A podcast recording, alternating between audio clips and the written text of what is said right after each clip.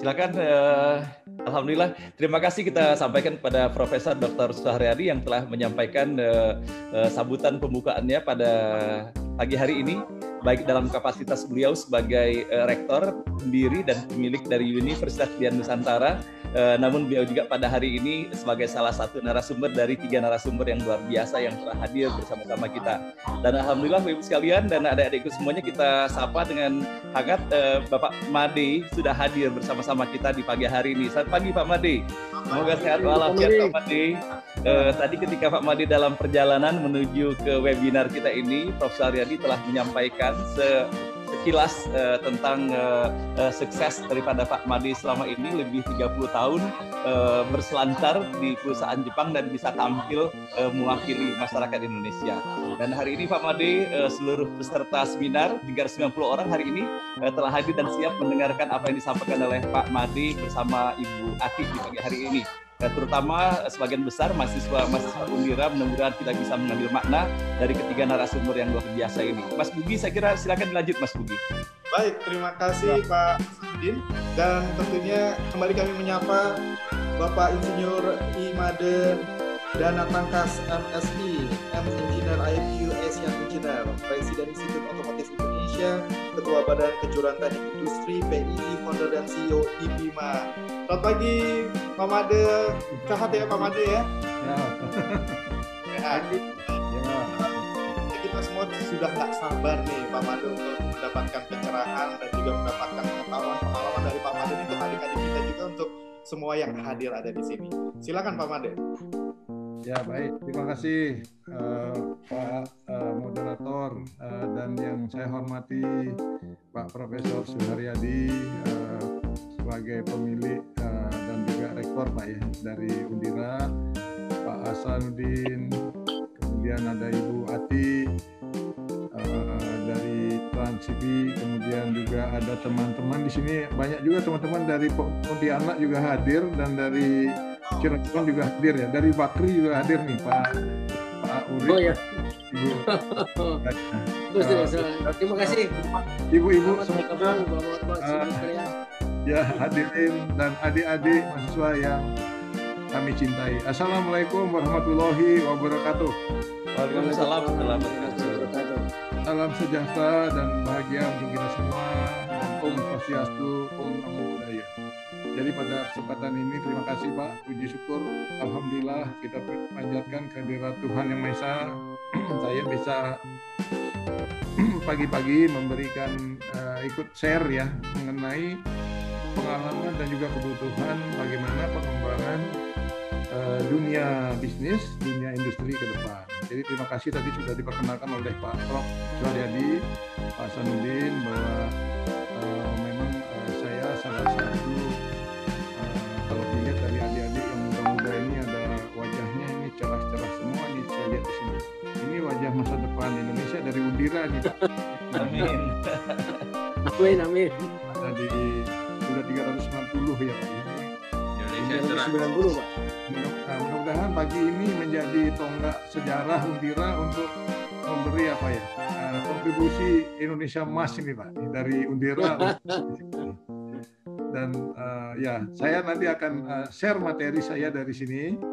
Uh, izin ya Pak moderator ya. Ya silakan Pak Mati ya saya ada materi dan beberapa poin yang dari pengalaman itu nanti bisa dilihat di, di presentasi ini ini belum bisa keluar ya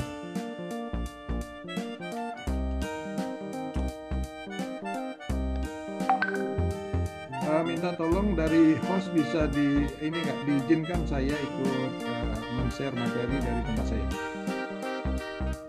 Bisa dibuka. Uh, Buyu, Buyu, Pak Agus. Pak Agus. Ya, sudah sudah dibuka. Sudah dibuka. Coba coba, belum belum tampil. Ah ya, sekarang udah.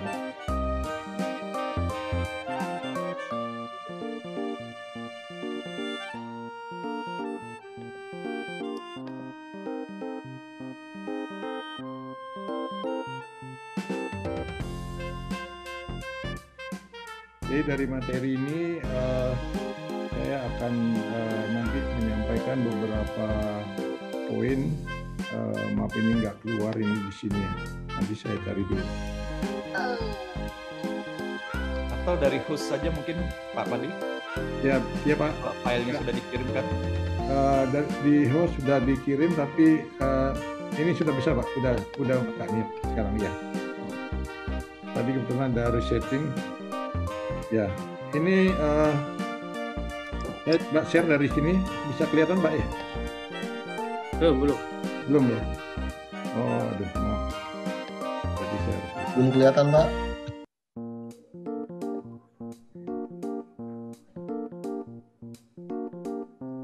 Coba Pak Agus saja dibantu Pak Agus. Ya, sebenarnya sedang diupayakan sama Pak Agus.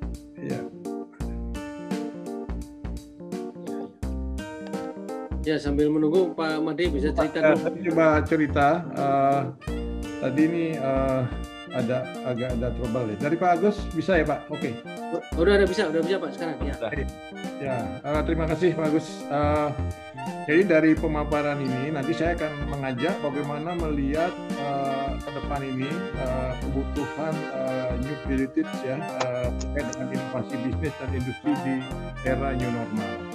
Jadi di dalam uh, presentasi ini secara singkat saya akan cepat-cepat saja bisa dilihat ke berikutnya uh, beberapa poin dari uh, Pak Agus minta tolong uh, di, bisa dipindahkan ke slide berikutnya.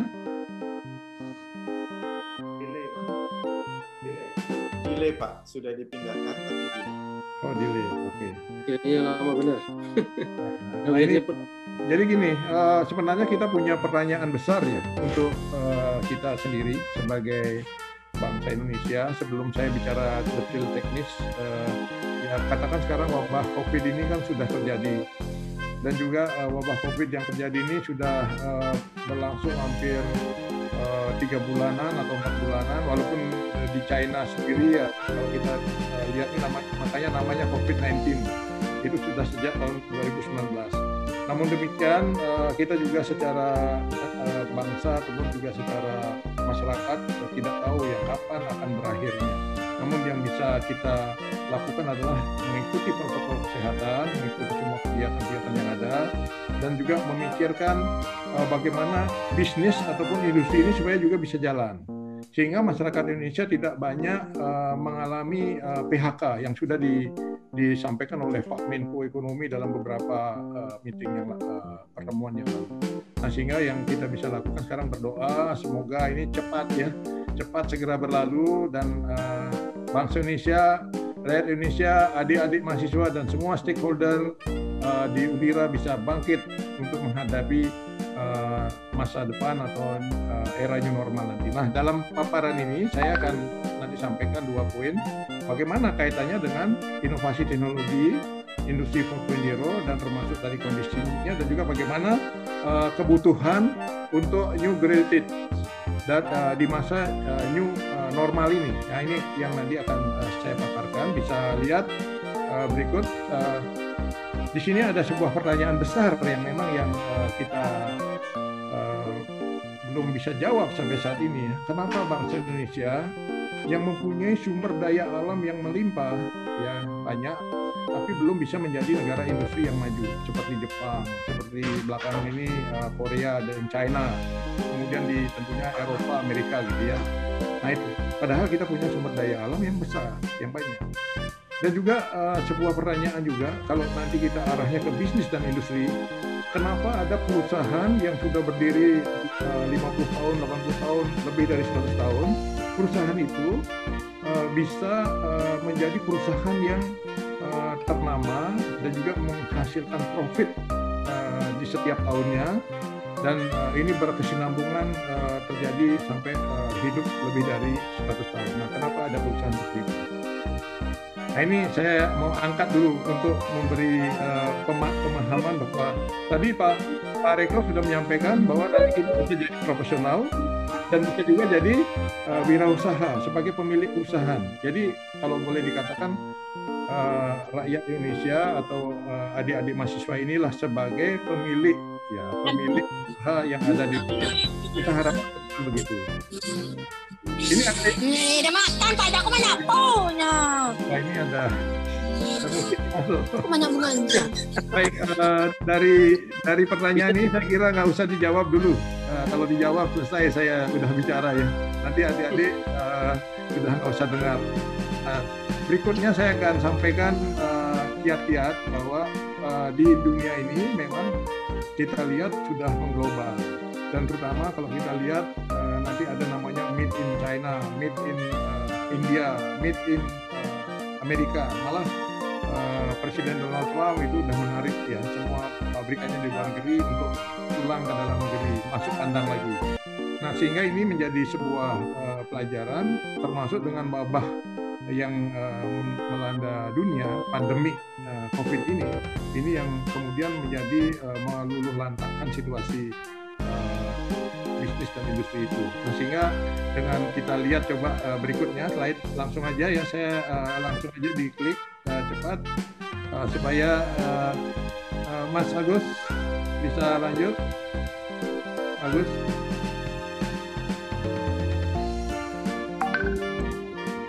Mas Agus ada yang jaga ya terus.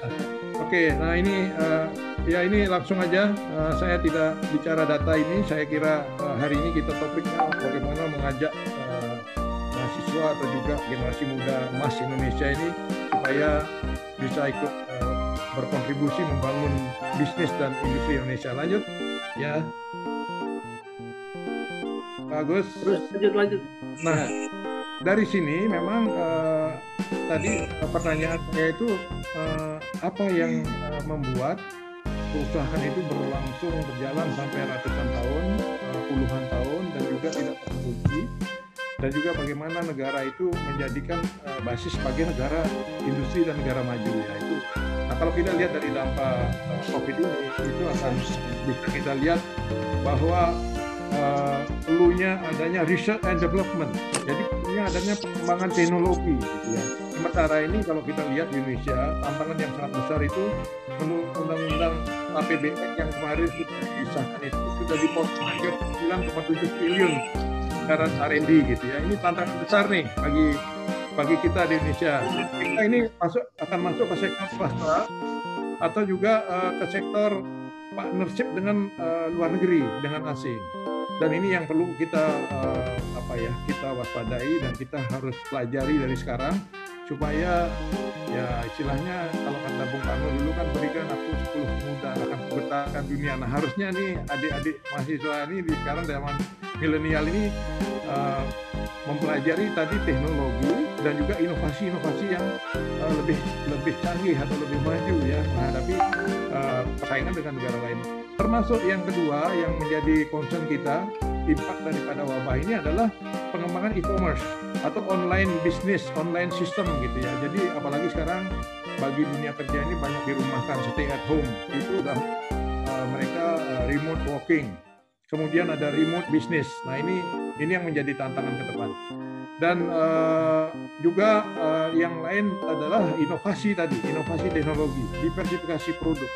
Jadi bagi adik-adik yang nanti meng, uh, mengikuti uh, apakah itu ekonomi, apakah itu teknik, dan juga yang lainnya ya tentunya hukum gitu ya itu harus mengalir darahnya itu bagaimana membuat inovasi yang uh, tertinggi terbaik untuk negeri dalam teknologi dalam proses uh, produk dan servis pelayanan yang diberikan termasuk nanti akan disampaikan juga oleh uh, Ibu Atik ya dari uh, industri jasa. Kemudian uh, yang tidak kalah penting tantangannya adalah modal.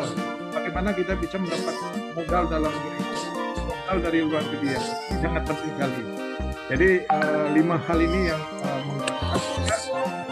sekarang ini dunia usaha, dunia bisnis digital mengalami uh, uh, keguncangan lah ya, keguncangan. Jadi banyak bisnis kita ya stop.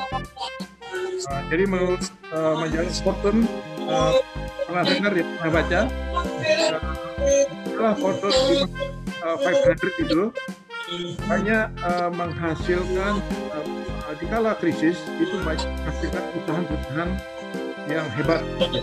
Namun demikian di kala krisis wabah ini pun hanya perusahaan-perusahaan hebat akan turun akan drop. Nah ini yang menjadi menjadi perbedaan. Pak barangkali dari host bisa di mute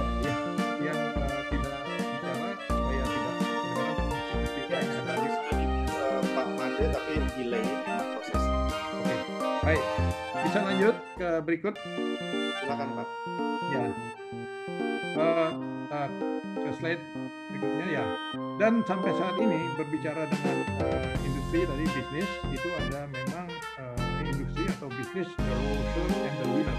Jadi ada yang memang uh, akan seperti di, saya sampaikan tadi di majalah Fortune 500 itu ada beberapa perusahaan yang ambruk,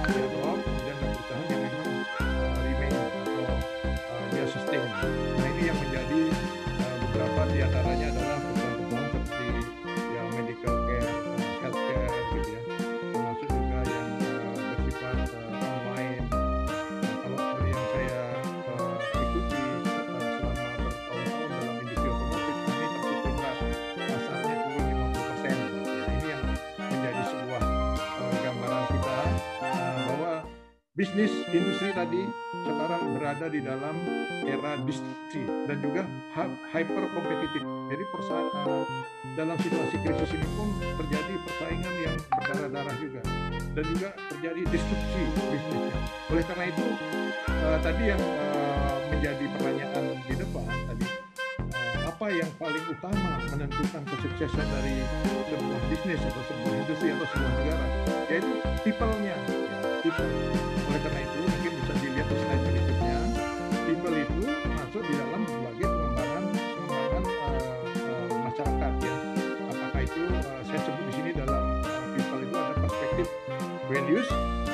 Sistem dan leadership. Jadi ada ada nilai-nilai yang harus dibangun oleh orang itu. Oleh uh, dan terutama perubahan mindset dan paradigma. Hampir 75 tahun kita merdeka, tapi uh, mindset dan paradigma kita itu tidak menjadikan Indonesia negara negara industri ya di mana kita ketahui negara yang maju yang bisa mensejahterakan rakyatnya karena dibangun industri bukan hanya industri manufaktur tapi juga industri jasa dan ini harus menjadi suatu yang terpadu dan uh, inilah mindset yang harus kita bangun di dalam values tadi. Di dalam nilai-nilai karakter kepribadian kehidupan. Jadi sumber daya manusia kita itu uh, untuk membuat sumber daya manusia yang unggul itu kan harus satu mempunyai kecerdasan. Kecerdasan IQ, EQ, SQ gitu kan. Nah ini saya kira wab- wabah COVID ini sudah uh, mengajarkan kita tidak perlu lagi kita mencari motivator di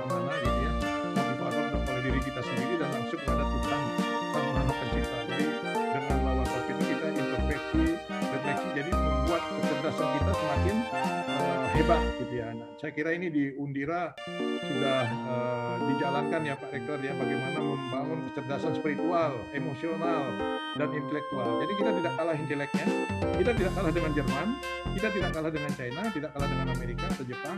Sebenarnya kita punya kehebatan yang lebih dari mereka. Nah ini kecerdasan. Kemudian yang kedua adalah kemampuannya, ability-nya. Bagaimana membangun bisnis dan industri itu. Jadi kemampuan ability kita ini ada skill, ada knowledge, kemudian ada attitude. Yang paling penting attitude, sikap tadi. Bagaimana kita bersikap mengikuti standar, mengikuti, disiplin, mengikuti aturan, mengikuti kompetensi yang harus kita punyai gitu ya. Mem- Mempunyai skill yang harus kita punyai termasuk uh, menjadi pengalaman hidup kita. Jadi saya sering beri gambaran uh, ability ini seperti bola salju. Jadi kemampuan kita, skill, knowledge dan sikap kita, attitude kita itu harus seperti Dari bola bekel, dari bola basket atau bola voli menjadi besar mobil, sebesar mobil sebesar rumah, sebesar rumah nanti menjadi bukit, bukit jadi gunung. Nah, ak- akhirnya menjadi bola salju. Nah ini yang kita harapkan tadi dalam kemampuan skill, kompetensi, ability motivasi. Motivasinya harus benar-benar eh, ya anak-anak muda sekarang motivasinya apa ya? Mau punya mobil, mau punya rumah mewah gitu ya,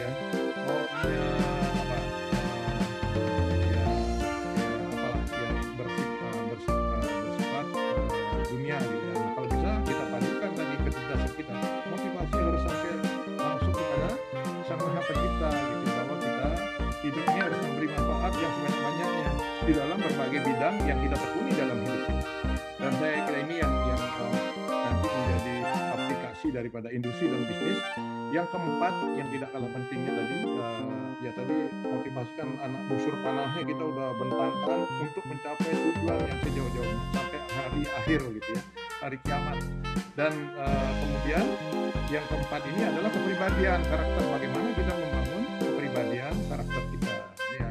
kita ya contoh sederhana adalah jujur, dipercaya, kemudian ada juga visioner, disiplin, bertanggung jawab, kerjasama, adil, peduli. Nah ini yang harus dari muda lah ya. Kalau saya lihat anak-anak muda sekarang ini uh,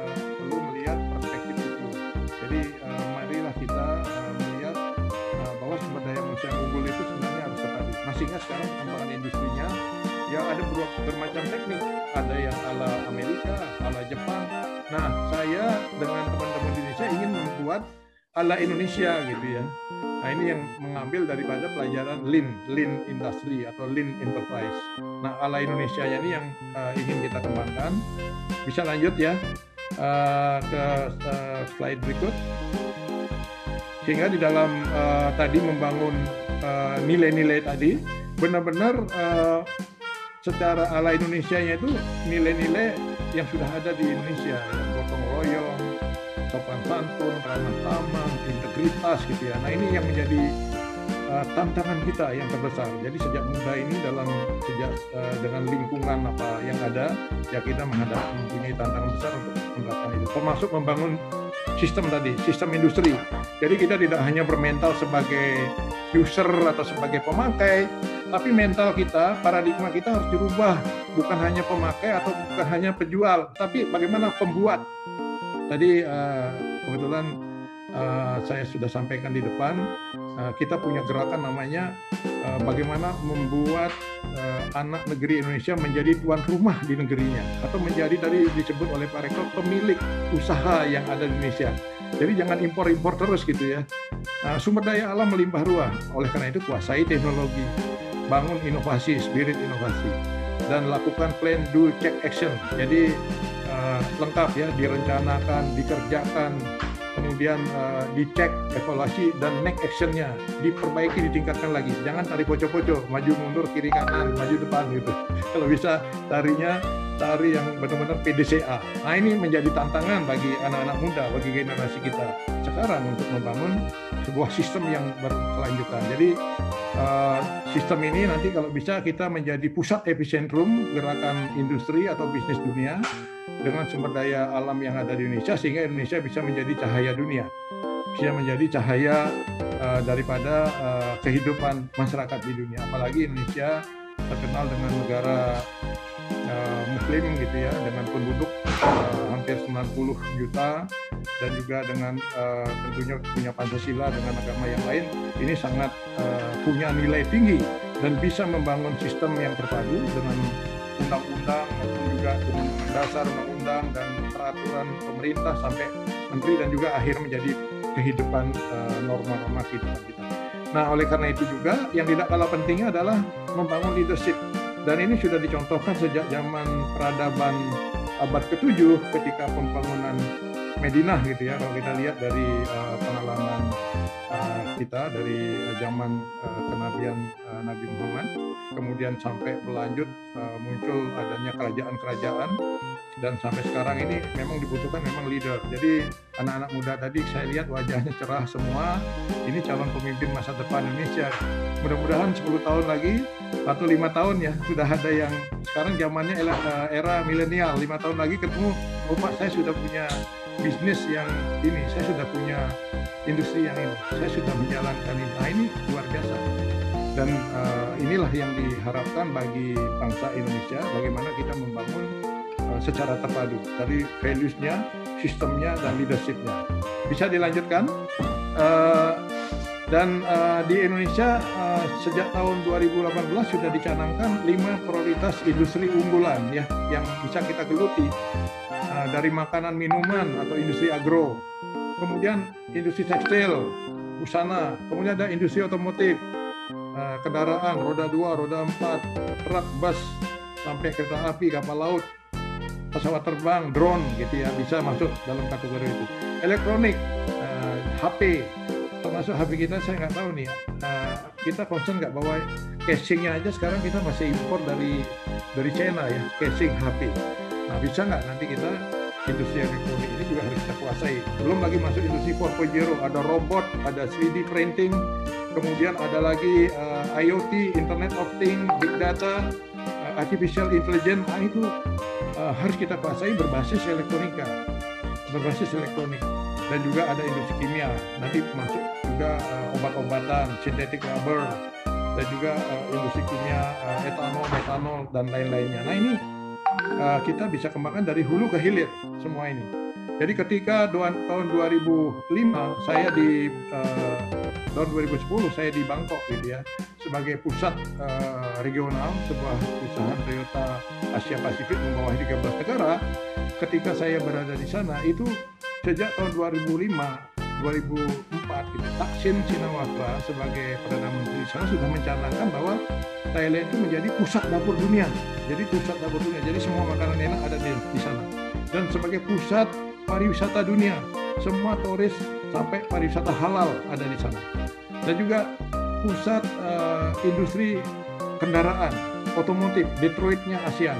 Jadi sudah dicanangkan. Nah, sehingga sekarang sejak tahun 2018 kita sudah punya lima ini. Mestinya ini yang menjadi kawah atau menjadi kancah pergerakan anak-anak muda nanti ke depan uh, tidak hanya tergantung dari impor gitu ya, tapi uh, semua sudah dibuat made in Indonesia. Jadi bukan made Indonesia, tapi made in Indonesia.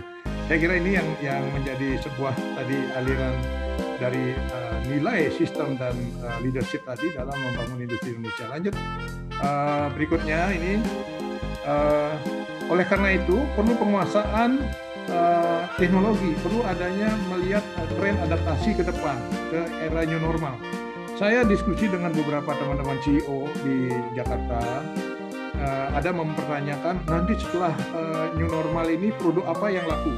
Apakah sama dengan produk yang dibuat sekarang 100% sebelum uh, wabah COVID?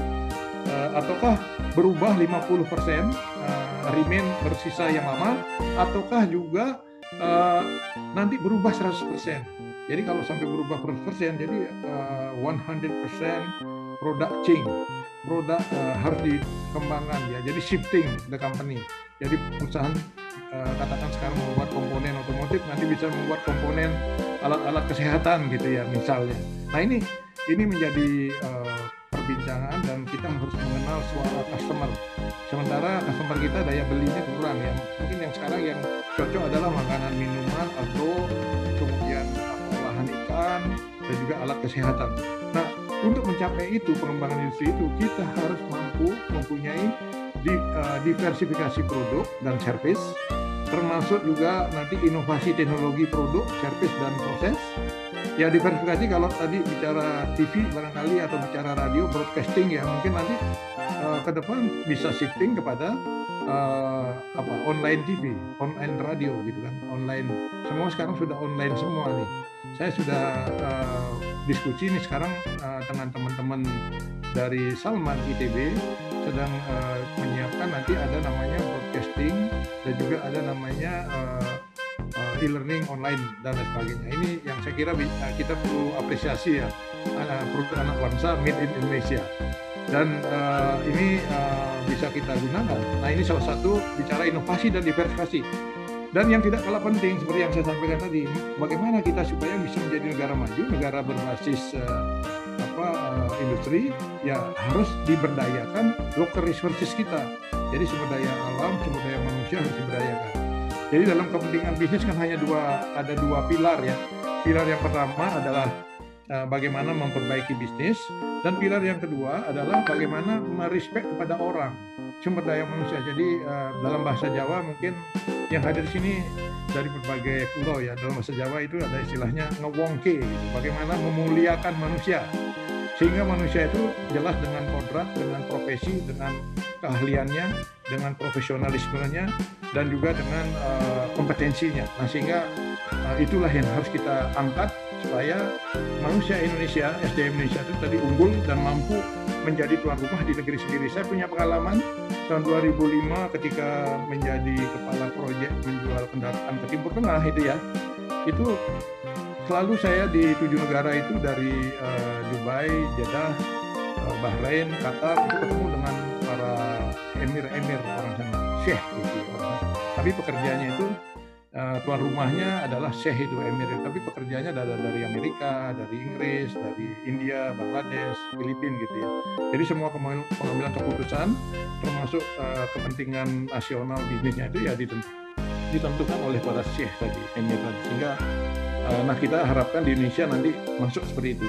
Dan uh, dalam mengelola bisnis nanti ke depan harus dilihat uh, faktor efisiensi dan produktivitas dengan adanya wabah COVID ini, kita kan hanya bekerja dari rumah. Seperti hari ini bisa melakukan online ini dengan hadir 430 orang yang luar biasa sekali Pak Rektor Pak Hasan ya Pak Wakil Rektor dan uh, ini suatu uh, kabar gembira bahwa nanti ke depan uh, dunia edukasi pendidikan tidak hanya lagi kita lakukan dengan uh, tatap muka, bisa aja dengan proses e-learning. Jadi tetap pada tatap mukanya Nah, oleh karena itu kita perlu membangun e-commerce. E-commerce dalam hal ini nanti ada online bisnis, ada semi offline bisnis, ada tatap mukanya, ada juga dengan uh, perantaraan media uh, komunikasi online ini. Saya kira ini dan lanjut uh, dari paparan ini bisa kita lihat uh, lebih lanjut pola perilaku kehidupan, perubahan pasar dan juga pola industri juga berubah.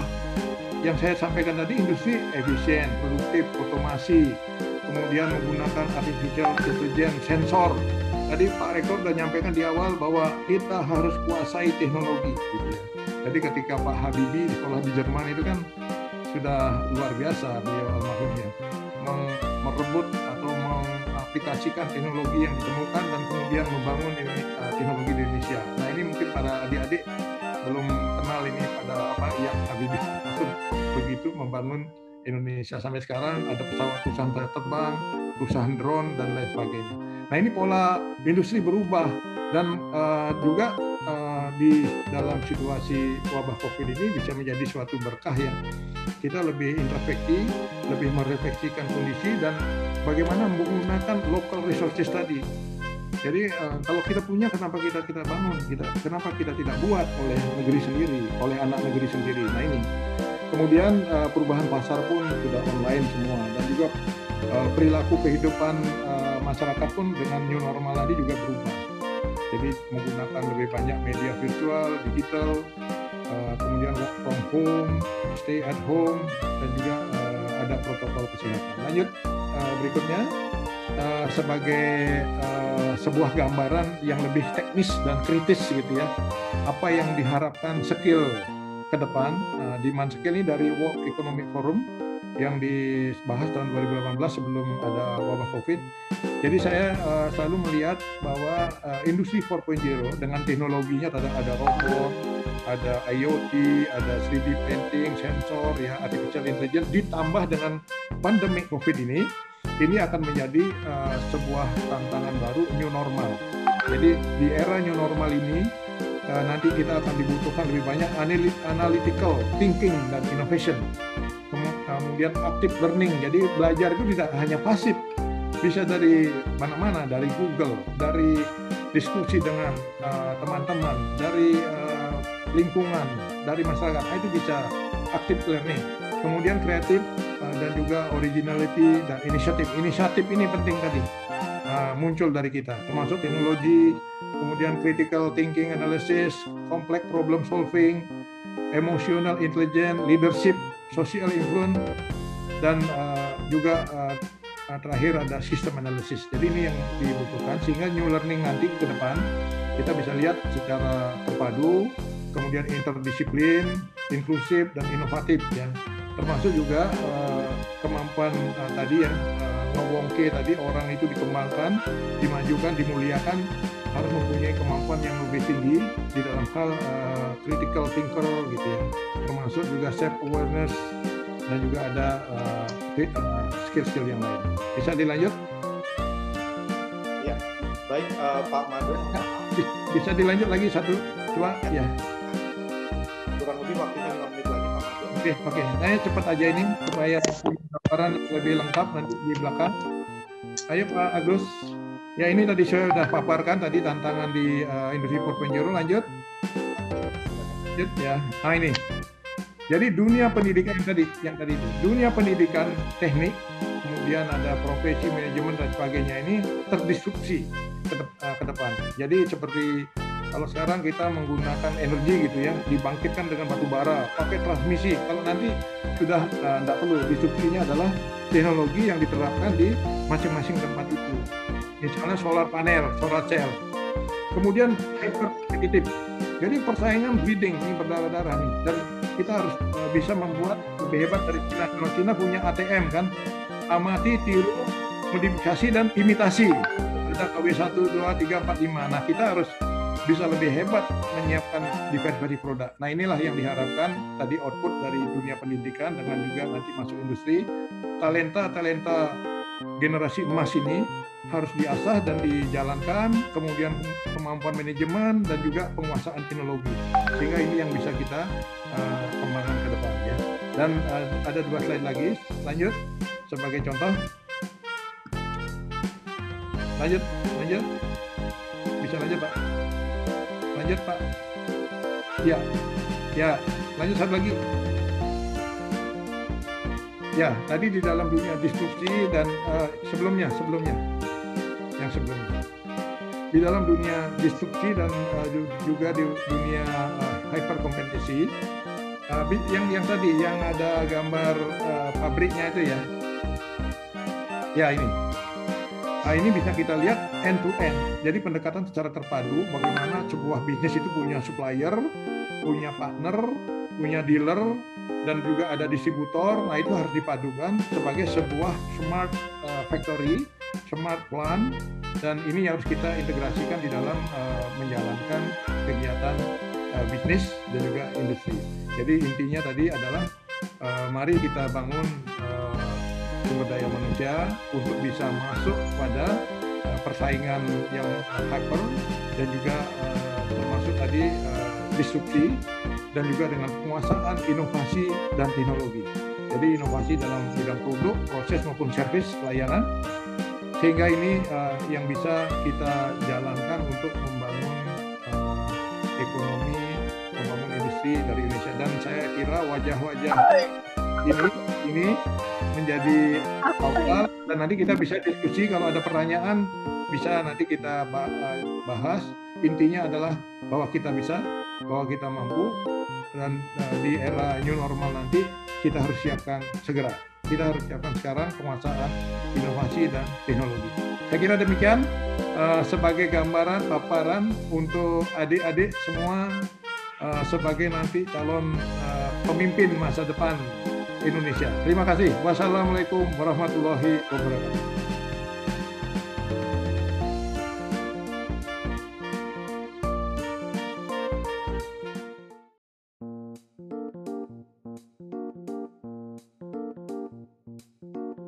Ya. Baik, uh, terima kasih Mas Bugi. Ibu Ati Nur Wahyuni yang saya hormati, Presiden Direktur dari Trans TV dan Trans 7. Ini luar biasa, satu orang menjadi presiden dua TV besar. Sangat terjadi. Terus uh, yang kedua, Bapak Insinyur Mari Tangkas yang juga luar biasa, beliau uh, Direktur Astra Internasional dan banyak sekali jabatan beliau juga di Kadin, di berbagai organisasi nirlaba yang kontribusinya juga sangat luar biasa kepada bangsa dan negara. Teman-teman di Universitas Dian Nusantara yang mengatur acara ini semua, Mas Bugi, Pak Hasanuddin, dan teman-teman lainnya, Boyo, para peserta webinar yang saya banggakan, yang saat ini sudah yang join sudah lebih dari 300, yang mendaftar lebih dari 700 sebenarnya cuman sedang uh, mau masuk bertahap saya kira. Uh, Bapak sekalian, adik-adik sekalian, saya kira seluruh dunia akhir-akhir ini ya dalam 3-4 bulan terakhir ini dikejutkan oleh adanya virus corona atau dikenal sebagai COVID-19 yang melanda seluruh dunia, tidak ada terkecuali. Semuanya terkena dan tidak bisa berbuat apa-apa. Dan dampaknya begitu luar biasa dan saya kira baru sekali ini ada virus sepanjang masa ini, baru sekali ini virus yang menyerang seluruh dunia. Memang virus banyak terjadi macam-macam ya, tetapi biasanya menyerang hanya beberapa negara. Virus corona ini menyerang seluruh negara dan semua sektor jadi terdampak. Semua usaha sekarang mengalami kesulitan. Di semua sektor apa pun lah tiap hari kita mendengar berita terjadi PHK di mana-mana. Ya, karena memang usahanya tidak berjalan. Semua banyakkan minus. Pengangguran terjadi di mana-mana. Bapenas memperkirakan pengangguran sekarang sudah 17,5 juta. Yang ini terus akan meningkat. Negara sudah kedodoran membiayai penanggulangan COVID ini negara besar seperti Amerika pun juga kedodoran. Eropa berantakan. Baru satu negara yang menyatakan bebas COVID-19 yaitu Selandia Baru yang baru dibuka tiga hari yang lalu. Tapi ada teman saya di sana itu pun masih sangat terbatas, hanya orang-orang Selandia Baru saja dan belum bisa orang luar masuk ke Selandia Baru. Kalau kalau masuk juga susah, jalannya ke sana juga tidak tidak ada. Melbourne sekarang ditutup juga penerbangannya ya. Singapura sama sekali ditutup sedangkan kalau mau ke New Zealand ya kalau nggak lewat Singapura ya lewat Melbourne kalau dari sini penerbangan sudah banyak yang bangkrut Garuda di Indonesia ya ada Lion dan lain sebagainya itu sudah yang terbang sudah sangat sedikit itu luar biasa damainya dan PHK juga mulai berlaku di dua penerbangan tersebut. Kemarin kita mendengar Gojek juga mulai mem-PHK karyawannya ya, di beberapa bidang yang tidak bisa lagi dijalankan otomatis di PHK. Nah, ini situasi yang dihadapi. Artinya begini adik-adik sekalian yang apalagi yang masih kuliah, yang baru selesai, yang sekarang jadi topik kita ini adalah bagaimana sebenarnya yang diperlukan oleh perusahaan bagi fresh graduate, bagi new graduate. Nah, masalahnya sekarang ini yang sudah bekerja saja di PHK. Sehingga persaingannya itu bukan hanya fresh graduate dengan fresh graduate, tetapi juga dengan pekerja yang di PHK yang tentu akan menjadi pekerjaan juga. Oleh karena itu, Universitas Dian Nusantara walaupun baru berdiri, kita saya sebagai rektor karena saya punya pengalaman yang panjang sebagai pendiri dan rektor 13 tahun di Universitas Mercu Buana yang berkembang sekarang ini besar ya. Itu yang mendirikan dari nol saya pada waktu itu. Tentu dengan dukungan penuh dari Pak Proposito ya.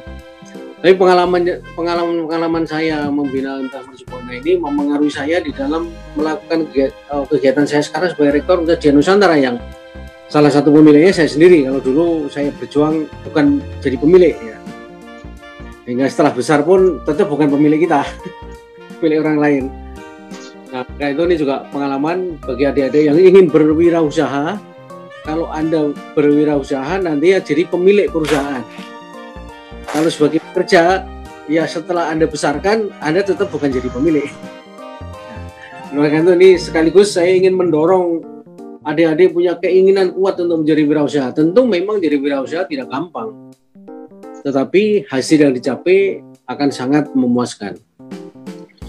Bapak sekalian, oh, dalam kaitan ini saya mencoba selalu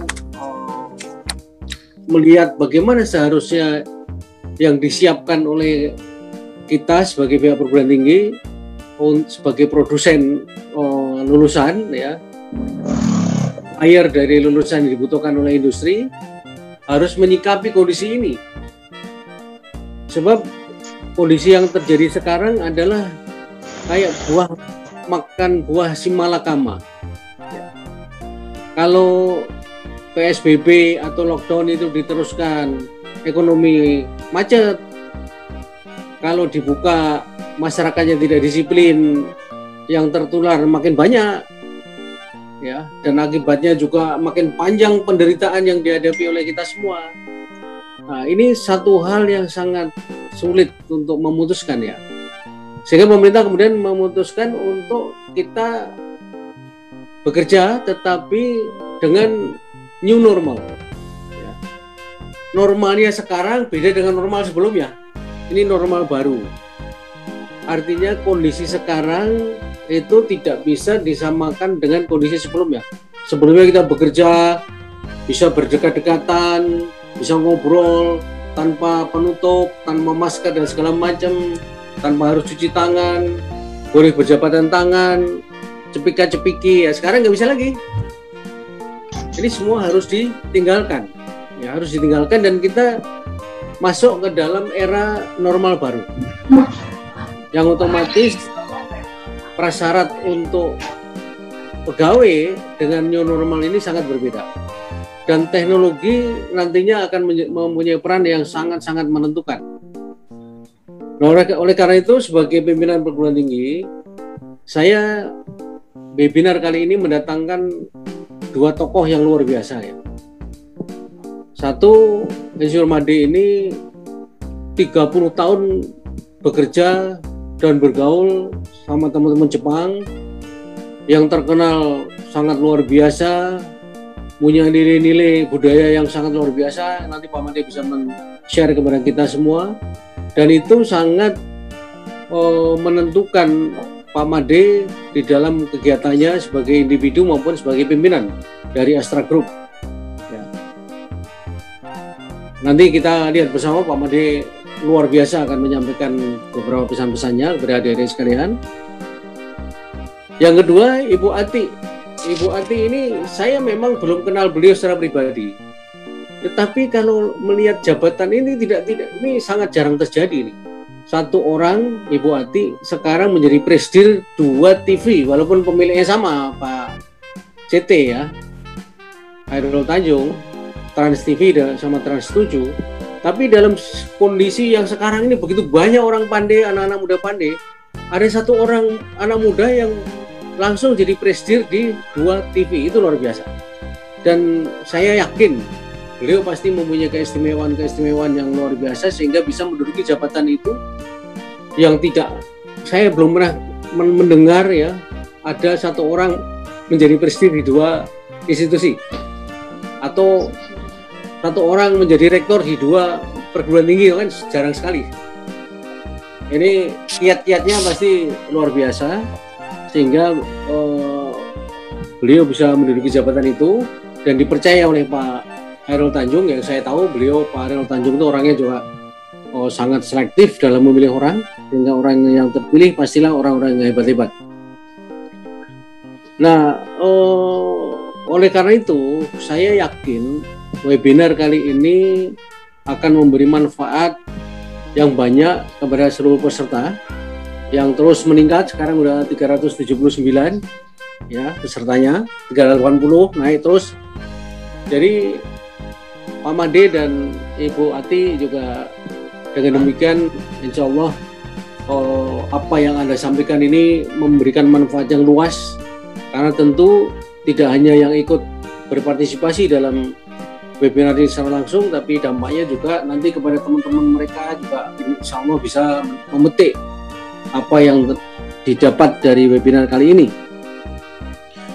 Saya sebagai rektor juga nanti pasti mempunyai manfaat dari apa yang disampaikan Pak Made dan Ibu Ati oleh karena itu saya tadi ya sebagai salah satu narasumber lah sebagai rektor nggak perlu narasumber lah. Saya membuka saja memberi wawasan. Nanti mungkin setelah di akhir saya memberi penutupan tetapi saya justru menyerap berbagai hal yang dibutuhkan oleh perusahaan-perusahaan khususnya dalam kaitannya dengan menyikapi adanya new normal ini. Karena sekarang juga semua masih meraba-raba nih ke depan ini akan terus seperti apa kalau corona itu terus tidak ditemukan vaksinnya sampai berkepanjangan, apa yang harus dilakukan? Nah, ini kiat-kiat seperti ini yang saya kira sangat penting kita dapatkan dari kedua narasumber. Dan saya berharap Ibu Ati dan Pak Made bisa memberikan satu wawasan untuk bisa uh, mengurangi ya, mengurangi ketidakberdayaan, mengurangi ketidakpastian masa depan ya. Karena ini kita saya yakin nih partisipannya sebagian besar kalangan muda yang sangat butuh bimbingan dan arahan pada situasi yang tidak menentu seperti ini. Saya kira sebagai pembuka kata demikian, saya tidak ingin menyita waktu banyak dari kedua pembicara yang sangat hebat ini. Mari kita dengar bersama secara baik-baik dan nanti ada sesi tanya jawab yang cukup panjang sehingga para peserta webinar bisa menggali lagi berbagai hal yang mungkin di dalam penjelasannya masih perlu uh, dijabarkan lebih lanjut sehingga bisa memberi manfaat yang lebih banyak lagi kepada seluruh peserta webinar. Terima kasih uh, Mas Bugi dan Pak Sarudin yang nanti akan bersama-sama menjadi host dari acara webinar ini. Mudah-mudahan acara webinar ini bisa berjalan dengan lancar, termasuk aksesnya juga tidak ada gangguan, linknya ya. Kita juga mencoba sebaik-baiknya dan kemudian manfaat yang diperoleh juga kita harapkan bisa sebesar-besarnya bagi seluruh peserta. Demikian yang ingin saya sampaikan. Assalamualaikum warahmatullahi wabarakatuh.